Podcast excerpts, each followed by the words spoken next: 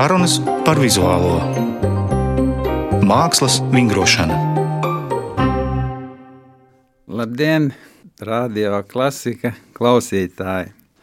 Man šodien ir prieks parunāt par vizuālo mākslu kopā ar Latvijas uh, zināmiem māksliniekiem, kā tēlnieku uh, Glebu Pantelēju.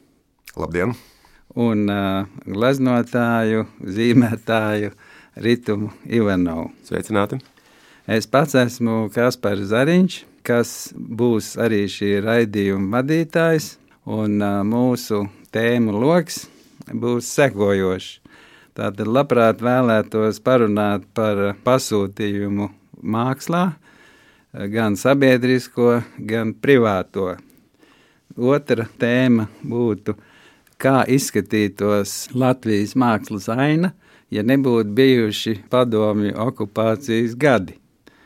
Un trešā tēma, kas ar to visu savienotos, gribētu parunāt par mākslas pareizību un nepareizību, jeb laikmetīgo mākslu un vairāk tradicionālo mākslu. Tātad, sākot mūsu diskusiju, es gribētu mazliet paraksturot Glebu Pantlēju, kurš ir piedalījies vairākos sabiedriskā pasūtījuma projektos, kā piemēram Oskara Kalpaka piemineklis, Esplanādē, tāpat Krišāna Valdemāra tēlēnais piemineklis, kas ir blakus Franču licējam. Un uh, naudas vērsis, ja tā var teikt, kas saistībā ar uh, aizkrauklis banku, jeb kas tā bija. Nu, viņa kādreiz tā saucās, tā, jā. Jā, ABLV, jā. diemžēl aizgājusi.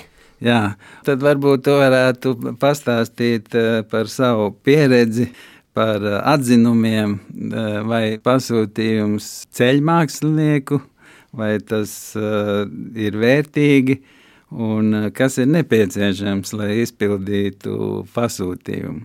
Nu, pirmkārt, par pasūtījuma to jēdzienu, ja, jo to nevajag reducēt nekādā gadījumā līdz eh, situācijai, kad atnāk viens onkulis, iedod citam onkulim koferīt ar naudu un pasaka, man vajag to un to. Ja. Nu, tā, ir, tā ir viena tāda, nu, saka, tāda humoristiska pasūtījuma versija, jo pasūtījums ir ļoti daudzpusīga parādība un praktiski eh, no privātā pasūtījuma līdz eh, sabiedrības pasūtījumam ir ļoti plašs spektrs, plašs diapazons. Piemēram, kas ir kultūra kapitāls? Kultūra kapitāls, neskatoties uz to, ka tā ir tāda principā pabalstu dalīšana, būsim godīgi, ja, un uzturēšana pie dzīvības, teiksim tā, vienas kaut kādas mākslas nozares. Ja, tā tomēr ir pasūtījums arī, jo tur tomēr arī ir kaut kādi savi kriteriji, un no tevis gaida ne tikai estētiski, bet arī saturiski un ideoloģiski attiecīgu produktu. Es tā trivializēju mazliet, bet tā ir. Un otrā galā ir privāts pasūtījums, kur vienkārši nu, tāda ekstrēma forma, ka vienkārši kāds savā teritorijā grib uztaisīt kaut ko tādu, kas neatiecas uz sabiedrību vispār, ka tas ir domāts tikai vienam cilvēkam, un tas cilvēks var būt pilnīgi traks, un tas mākslinieks arī traks, un tad viņi kaut kaut ko uztaisīt tādu, ko vispār nedrīkst rādīt nemaz cilvēkiem normāliem uz ielas. Ja? Un pa vidu, protams, ir arī pasūtījumi pašvaldību un par valsts pasūtījumu es labāk nerunāšu, jo valsts praktiski nepasūta ļoti retiem izņēmumiem. Pasūtījumi telniecībā un pilsētvidas mākslā nāk parasti no pašvaldībām un no privātiem ziedotājiem. Un par to, kas ir pasūtījums, tas ir labi vai tas ir slikti, nu, tas nav ne labi, tas nav ne slikti. Tas ir un tā ir viena no formām, kā var tapt uh, mākslas darbs. Sevišķi mākslas darbs, kurš prasa ieguldījums un uh, tādu nopietnu finansējumu. Jā, nu, te mēs vēl varētu runāt, ka tas nenoliedzami prasa profesionālitāti, spēju iedziļināties, transformēties iespējams pašam māksliniekam, jo gribot, ja negribot, tev ir jārada produkts, jeb mākslas darbs noteiktā laikā un noteikti stāst. Es vienmēr priecājos, ka muzeķi vienmēr runā par to, ka viņiem ir pasūtījums, komponisti saņem pasūtījumus Viņiem pasūta dažādas organizācijas, jeb kori.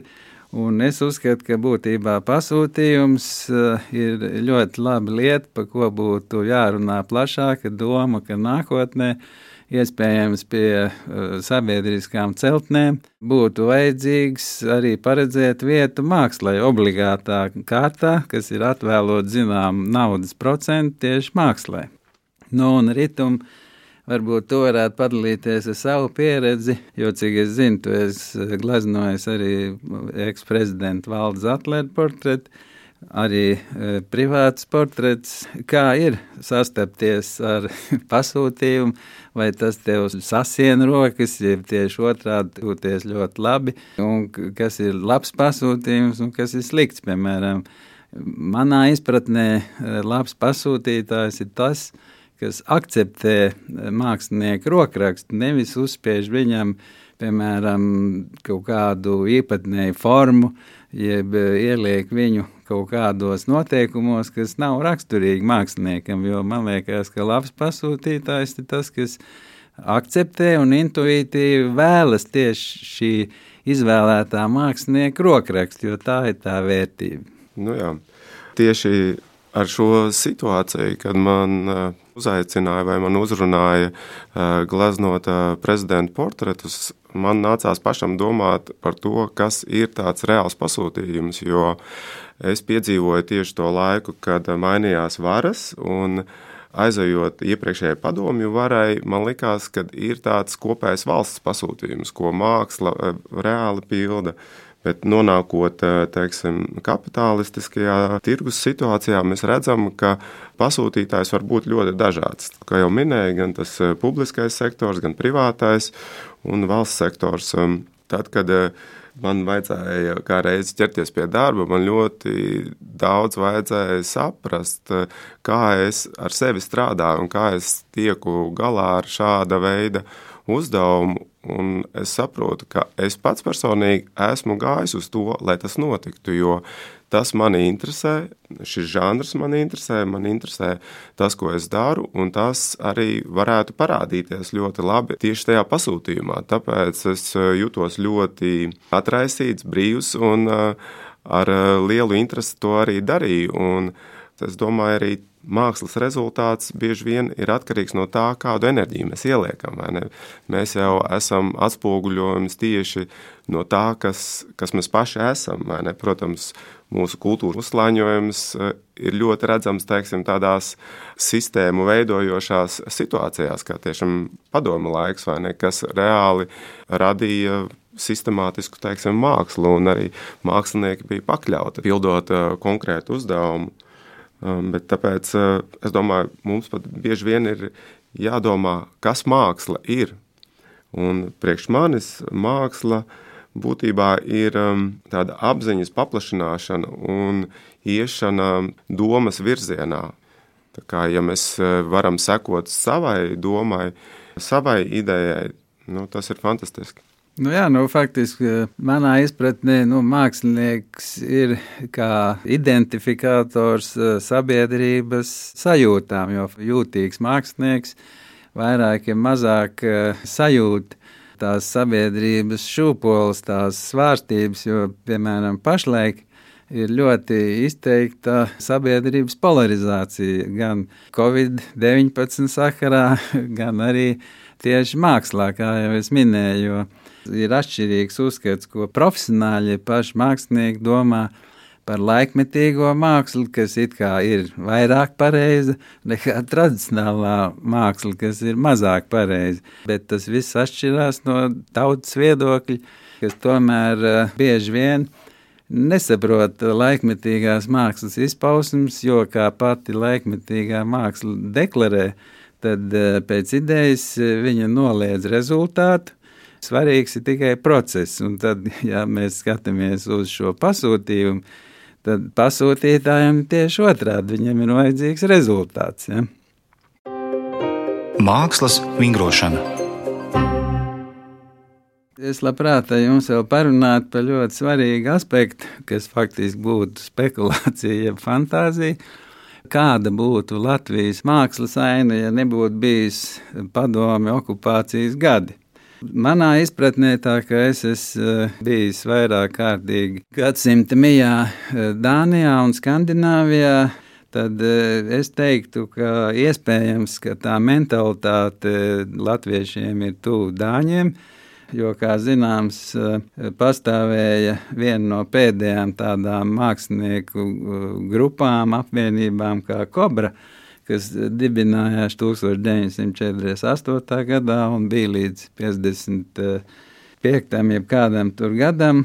Un, faktiski viņa apvienoja mazāk zināmas nu, valstis tādā nozīmē, ka tas bija mākslinieki no Kopenhāgenes, Briseles un Amsterdamas. Jo skaidrs, ka Lielās valsts vienmēr producē mākslas virziens, pie mākslas centra viņi pievelk mākslinieks no visas pasaules. Bet šeit mums būtu jāparunā arī, kāpēc Latvijā, piemēram, nav starptautiski konvertējami mākslinieki. Bet, teiksim, tie, kas eh, laicīgi, jebkur aizbrauc likteņa dzīt no Latvijas, kā piemēram Vīja Celmiņa, uz eh, rietumiem eh, otrā pasaules kara laikā, tad eh, viņa ir iegūusi pasaules slavu. Kaut gan es uzskatu, ka arī Ilmārs Blumbergs, nu, piemēram, varētu kļūt par starptautiski konvertējumu mākslinieku, bet tas nav noticis.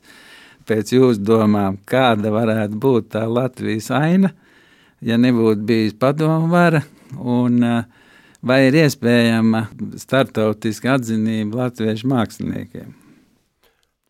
Redz, tur runā principā par to konvertējamību, kā starptautisko atpazīstamību vairāk. Jo kvalitāte ir konvertējama. Kā tu minēji, Blūmbergs ne, nav neko sliktāks par vīru celmiņu, bet Jā. viņš nav atpazīstams pasaulē.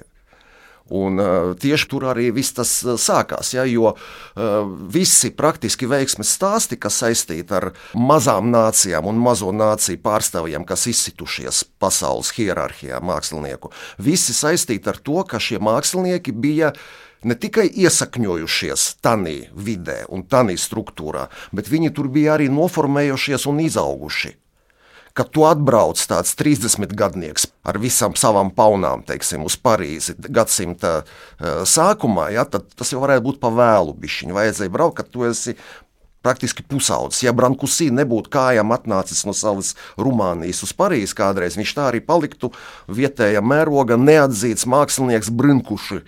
Rumānijā, ja, bet viņš kļuva par Konstantīnu Brankusī. Ja.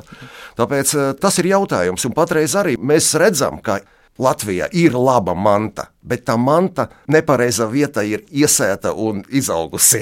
nu jā, nu te var vilkt varbūt paralēls, piemēram, kā mēs visi priecājamies par mākslu līdz 40 gadam, vai ne? Un faktiski tā priecāšanās notiek arī līdz šai baltajai dienai, jo, kā zināms, valsts mākslas muzejā ir izstāde, kas pašlaik veltīta Rīgas grupai. Bet eh, kā tas ir redzams, varbūt tas nav tik populārs viedoklis. Tā mēs saprotam, ka ietekmes eh, no rietumu valstīm tajā laikā veiksmīgi sasniedz Latviju, un tās mākslas izpausmes faktiski ir adekvāts, ir līdzīgs, kā tas bija mainstreamos rietumos. Padomu laiks to iznīcināja, vai ne, ieliekot citu ideoloģiju un tam līdzīgi, bet eh, tajā pašā laikā tā mākslas kvalitāte, ja mēs skatāmies uz Blumbergu, viņa ir, bet viņa ir ar citu sēklu. Un, eh, teiksim, pašreizējā māksla ir pārlekusi pāri šim padomu laikam, un, un faktiski visi tie notikumi, kas ir rietumos, viņi vairāk vai mazāk atspoguļojās nu, jauno mākslinieku Eh, vidū. Ko tu gribēji teikt? Es piebilstu vienkārši par eh, pirmskara mākslu. Ja, pievērsiet uzmanību muzejā, kas notiek ar Rīgas mākslinieku grupu Ulmaņlaikos, kā viņi mainījušies. Tāpēc padomju, protams, padomju vara ietekmēja un, un radīja pēc savas schēmas to mākslas, visu to estētisko struktūru un ideoloģisko, bet pat Ulmans to ietekmēja, jo kā gleznoja līdz 34. gadam un kā pēc 34. palika daudz provinciālāki, daudz atturīgāki, daudz klusāki un tādi pareizāki. Nu, varbūt viņi arī izauguši, viņi palika uh, vienkārši pieauguši. Es pieļauju, ka arī tā. Ja. Nu, es domāju, šī tēma uh, raisa ļoti interesantus uh, domu gājienus, jo teiksim, es personīgi nevaru iedomāties, kā būtu bijis, ja būtu bijis. Jo Tā ir eh, cilvēka vai arī sabiedrības spēja. Mēs eh, esam tur, kur mēs esam, un mēs arī piedzimstam tur, kur mēs piedzimstam. Tad mēs izvēlamies to, kur mēs dzīvojam, vai ne? Tā jau tāda filozofija. Un mēs reflektējam uz to, jo es nevaru piedzimt kaut kur citur. Un tā ir tikai tāda varbūtība.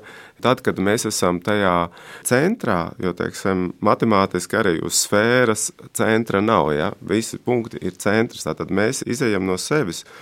Un, uh, mums ir jāatrod tā brīvība sevī, lai kaut ko radītu. Un tāpēc mums ir dota tā interesantā situācija, ka mums bija tā padomi pieredze īstenībā. No vienas puses arī tā ir tā vērtība, kur veidojās kaut kas cits. Ja būtu tā kā būtu Dānijā, tad mēs būtu tā vai ne. Bet šeit mūsu tā augsne ir veidojusi daudz interesantāku mākslu, un līdz ar to mūsu izaugsme vai mūsu ceļš ir savādāks. Un, teiksim, salīdzinājumā ar pasaules laiku un padomu laiku, teiksim, fotoreālisms pasaulē radās ap 60. gadu beigas. Pie mums arī bija nesen izstāde, kas bija veltīta fotoreālismam, un tur arī secināja, ka Latvijā fotoreālisms radās tieši ap to pašu laiku. Tātad, kāda ir problēma? Nekāda. Ja? Tikai augsnes ir dažādas, ja? un viņas veido tos mākslinieks pavisam savādāk. Amerikā bija Čaks Klaus, Rīgā bija Miervalds Polis, Līga Purmalā. Tā kā mums ir cita tā zeme vai ne, un cita tā kultūrālā kultūra. Nu, vēl turpinot šo tēmu, saskaroties ar rietumu māksliniekiem, nu, piemēram, mēs varam minēt Gerhardu Richteru, ne, kas faktiski ieguva izglītību Austrumvācijā, jeb mm -hmm. Deutsche Demokratische Republika, bet uh, iegūstot stipendiju, viņš aizbrauc uz rietumiem. Kādas ir tavas domas, skatoties uz viņa hiperrealismu, uz savu? Es domāju, ka abas jūs vieno nu, tāda ļoti estētiska, ļoti skaidra forma, definēts rokraksts. Arī interesanti, ka tas Gerhards Rikters, kas ir viens no retiem, kas visu mūžu bijis gan abstrakts, pilnīgi, gan hiperrealistisks Kā tu sajūti, tu sajūti kā līdzvērtību, to domāšanu un to praksi, kas tev ir? Nu, es uz viņu skatos arī līdzīgi, kā tu uzdevi jautājumu kā būtu, ja būtu. Jo viņam arī bija tieši tā iespēja, ja viņš būtu palicis austrumos, tad viņš būtu tieši šīs austrumu sistēmas, varbūt arī atspoguļotājs. Bet viņa šī iespēja strādāt tieši rietumos, viņu speciāli mocīja vai lika vai atspoguļoja tieši to, ko rietumi piedāvā, to milzīgo brīvību, to varbūt pat konfliktējošo situāciju, realisms versus abstrakcija, koncepti vai ne. No tā tikai es esmu mācījies, jo es jau esmu pēc tam nācis, vai ne? Es no tā visa esmu ietekmējies, mācījies un sapratis, ka es arī, arī tur vairs nevaru būt. Un es tikai varu iet uz priekšu un meklēt sevi. Un man ir jāmeklē sevi caur to mistisko pieredzi, kas esmu es. Un te mēs varbūt nonākam pie tā jautājuma, kas ir mūsu katra māksla, vai ne? No kurienes tā māksla nāk, vai ideja vispār nāk, un tur īstenībā nav tādu vaigo paskaidrojumu, kā dabūt laukā no sevis to, kas eh, var pēc tam pats pa sevi eh, dzīvot. Būt tā konvertējumā daļa. būt tā konvertējumā daļa. Tā ir ļoti sarežģīta. Jā. Nu, tur ir varbūt sastāvdaļas, vai ne, kur var mācīt, eh, teiksim, roku veiklību un teiksim, prāta asumu un, un, un visu, bet tieši to maģisko daļu, kas spēja salikt kopā, nu, piemēram, Leonardo da Vinci, kurš sāka apvienot tieši to mākslinieka spēju, savienot matemātiku, anatomiju, tur kosmiskās zināšanas vienā sevī. Tas ir milzīgs zināšanu kopums, un es arī tagad domāju, ka tagad arī ir ļoti svarīgi cilvēkiem iet tajā milzīgo zināšanu apkopojumā, sevi iztransformējot cauri, mēs tikai tad varam to, nu, kā tu minēji, sākās grupēšanās. Teiksim, tā grupēšanās ir vissliktākā, jo tad mēs sevi pozicionējam vai apvienojam kopā vienā grupiņā un sakam, ka mēs esam līdzīgi, un tad, kad tie, kas nav līdzīgi ar mani, viņi ir pret mani, vai ne? Tas demonstrē to situāciju, ka mēs neiekļaujam visus tajā, un tiklīdz mēs sākam šķelties, tā ir liela problēma, ko mēs redzam tagad. Nu, Gleb, nu, ja analizē tavu daļradi, tad tu esi amplitūdā starp nu, teiksim, nosacīto realismu, tēlēnību, jeb tādu pat simbolismu, ka tavs rokraksts nav gluži e, viens un tas pats, jeb ļoti līdzīgs. Tu esi dažādā amplitūdā. Un uh, es gribētu, lai tu personiski, kā teikt, parunātu kas pašlaik tev vairāk interesē, vai tēlēnā, jeb simboliskā daļa, vai realistiskā? Kur tu ej pašlaik? Nu, vispār es mēģināšu tam maksimāli, eh, maksimāli skaidri to noformulēt un īsi. Es vienmēr esmu strādājis un strādāju ar tēlu tēls ir primārs. Vienalga tas būtu, es neteikšu hiperrealistisks, jo es neesmu nevienu īstu hiperrealistisku darbu uztaisījis. Ja, tas ir kaut kas cits, bijis. Es strādāju teiksim, tā realistiskā arī e, jomā, ja, un pat ļoti vienkāršos abstraktos darbos, kas praktiski ko var uztvert arī kā zīmes, nevis tēlus. Jebkurā gadījumā tēls tur pastāv. Man tēls ir primārs, bez tēla es nevaru iztēloties, piedodiet, ja, savu to, to modus operandi. Un, uh, ir tāds vēl tāds jauks kalambūrs, ja, ka tēlniecība vārds sastāv no divām daļām. Tēlu pirmā daļa un otrā daļa - niecība. Ja, ja noņemam tēlu no tēlniecības, tad paliek niecība. Ja tēlniecība bez tēla, nu, tad tāda izkastrēta. Ja, tas var būt latviešu valodas īpatnība. Jā, jā, bet uh, tas man ir ļoti svarīgi, ja, jo man uh, absolūtā abstrakcija nekad nav pastāvējusi. Koncepts kā prioritāte man arī nav tas svarīgākais. Viņš ir svarīgs, bet nav svarīgākais. Jo, ja tev svarīgākais ir tikai koncepts, ja, tad pietiek ar to pašu un ar konteksta definīciju. Viss. Citu neko nevajag. Ja, un tad tā materiālā daļa ir nu, nezinu, nu, pieskāriens kāds, nu, nezinu, nosacīts punkts uh, istabā. Ja, mēs tagad te sēžam, reku, tur es iztēlojos punktu. Un tā telpa paliek par telpu ar lielo burtu, piemēram. Tas nav mans.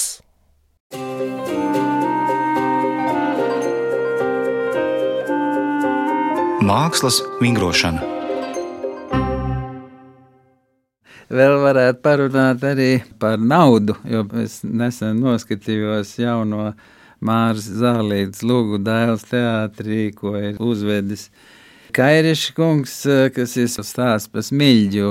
Smilģis ir fenomens tā ziņā, ka eh, viņš izdzīvoja eh, sākot no Latvijas laikiem visus okupācijas gadus, gan vācu gan krievu. Viņa teātris pastāvēja padomu, pareizāk būtu teikt, un viņš ir ieguvis daudz apbalvojumus no visām varām un tas viņa teātris joprojām tiek uzskatīts par sava veida stūrakmeni latviešu teātra mākslā. Nu, tāpat, ja mēs skatāmies uh, Wagneru komponistu, jeb, ja mēs atceramies Andreju Žagaru uh, saistībā ar mūsu operas teātri, tad uh, viņš arī vienmēr prata pārtērēt kasi, pa ko viņš pēc tam tika savā veidā sodīts un atlaists. Un, uh, tagad, piemēram, Parīzē ir iepakota uh, triumfa arka, kas bija Kristo Bulgāru izcelsmes mākslinieka ar viņas sievu Žanu Klodu. Tātad iepakojums kā māksla. No viņa Kristo var mācīties ne jau vienmēr nauda nosaka visu, bet savā veidā nauda ir nepieciešama. Jo viņš citreiz, lai realizētu savus projektus, viņš gaidīja desmit un vairāk gadus. Kamēr dabūja atļaujas eh, to izdarīt, un kamēr kāds par to uzdrošinājās eh, maksāt. Tad eh, jūsu viedoklis, piemēram, vai nauda ir viss, kas ir nepieciešams, ir tikai daļa, vai svarīgāka ir tā sabiedrības apziņa un gatavība pieņemt, akceptēt dažādas mākslas noteikumus.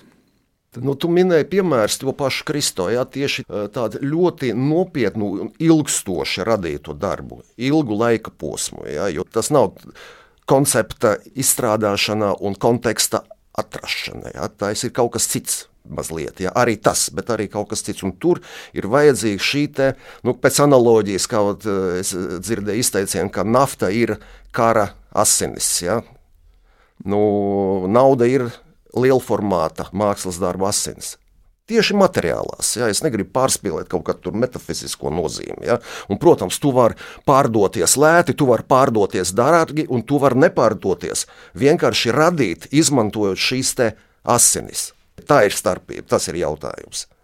Man arī patīk tas eh, salīdzinājums ar asinīm, jo naudu varētu mēs eh, asociēt ar tādu asins plūsmu un salīdzināt, kur tā asins plūsma ir vai ne šur tur ir sabiezējusi, un šur tur ir plānāka. Tad mums ir jāsāk domāt, cik eh, viendabīgi pa organismu plūst teiksim, tā eh, barojošā enerģija, un vai tā enerģija pietiek visiem. Tad, ja, ja kāds grib teiksim, sevi izcelt vai darīt, varbūt kādam organismam vajag vairāk asinis, kādam vajag mazāk, bet eh, tas noteikti ir, ir tāds interesants aspekts, kā skatīties uz to. Un tur mēs arī varam nonākt pie kaut kādas domas, kā būtu, ja nebūtu nauda. Ja? Teiksim, kāda būtu māksla tad, ja? jo tas arī e, ļauj mums domāt par to, ka, nu, kā tu teici, ja būtu tik daudz naudas, kāda būtu projekta vai kādi būtu mākslas darbi. Un tad mūsdienas parāda ļoti lielu galējību, kāda ir iespēja, jo ir mākslinieki, kas strādā ar, ar pašu to naudu virtuāli jau strādā. Tagad jau ir arī ar visdārgākiem materiāliem tu uzstājies mākslas darbu, jā, teiksim, kaut vai ar briljantiem, vai ar zeltu, vai vēl kaut ko. Vienkārši tad ir jāskatās, kā tas attaisno sevi? Teiksim, pamatā jau ir idejas, ne, kuras tur tiek iemiesotas. Jautājums ir, kurai idejai ir spēks dzīvot, cik viņas ir ilgmūžīgas. Šeit jau mēs bieži vien arī redzam to, ka to vērtību nosaka laiks, vai ne? Kā tu saki, teiksim, nodzīvojot tur kādu laiku, mēs saprotam to vērtību. Un tikai tie, kas ir auguši ar izglītību, ar informāciju, ar sapratni, ir spējīgi kaut ko radīt ar, ar tādu ilglaicīgāku vērtību. Un tad mēs varam, varam nonākt pie tāda arī pasūtījuma, kuram būs ilglaicīgāka jēga arī pēc tam. Ne? Mēs nevaram gaidīt katra vēja plūsmu un pakļauties katrai naudas plūsmai. Nu jā, nu tad uh, faktiski vissvarīgākais būtu talants mākslinieks, spēja saprast sabiedrības vajadzību, un no otras puses būtu vajadzīga izglītota, iecietīga sabiedrība, kas būtu gatava dalīties ar savu naudu ar mākslinieku, jo faktiski mākslinieks jau it kā nerada materiālu vērtību tiešā veidā, bet viņš rada garīgu vērtību, kas uh, iespējams ir daudz svarīgāka Tikai šeit jābūt tai miedarbībai. Būtībā uz šo gaišo noti mēs varam arī beigt mūsu diskusiju. Ja varbūt jums vēl ir piebilstams. Nu, es tikai par to pašu tevis teikto, ka sabiedrības gatavība uztvert mākslinieku un uzreiz nesākt lamāties un mētāt ar uh, tomātiem puvušiem pamēģināt saprast, un, protams, izglītību. Jo, ja cilvēka, kas nav mākslinieks, kas vienkārši beidzis nu, tādu normālu, labu mācību iestādi, ja viņa priekšstats par mākslu beidzās ar uh, 30 gadiem, labākā gadījumā. Pagājušā gadsimta. Nu, tad, protams, ir problēmas. Ja mēs runājam par nu, tādu marsietis ar Venēras iedzīvotāju, apmēram tā. Kaut kā gribās tuvināt tas planētas patreiz, kas atrodas ļoti tālu viena no otras.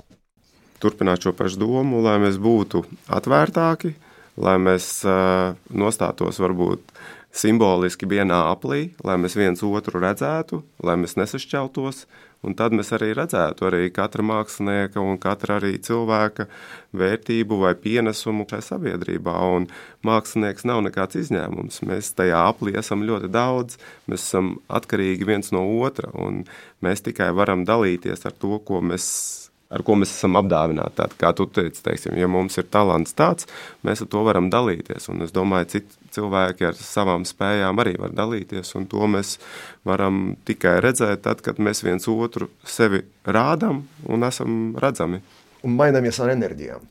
Tieši tā. Jo, principā, tā jā. ir tāpat enerģija apmaiņa, kā uh, roka zvaigznē, piemēram, ar auditoriju, ar stadionu. Jā, tā ir tā. pilnīgi tāda pati enerģija apmaiņa, tikai citā mērogā un, un, un citā kompānijā stāvēsim uz skatuves un otrādi.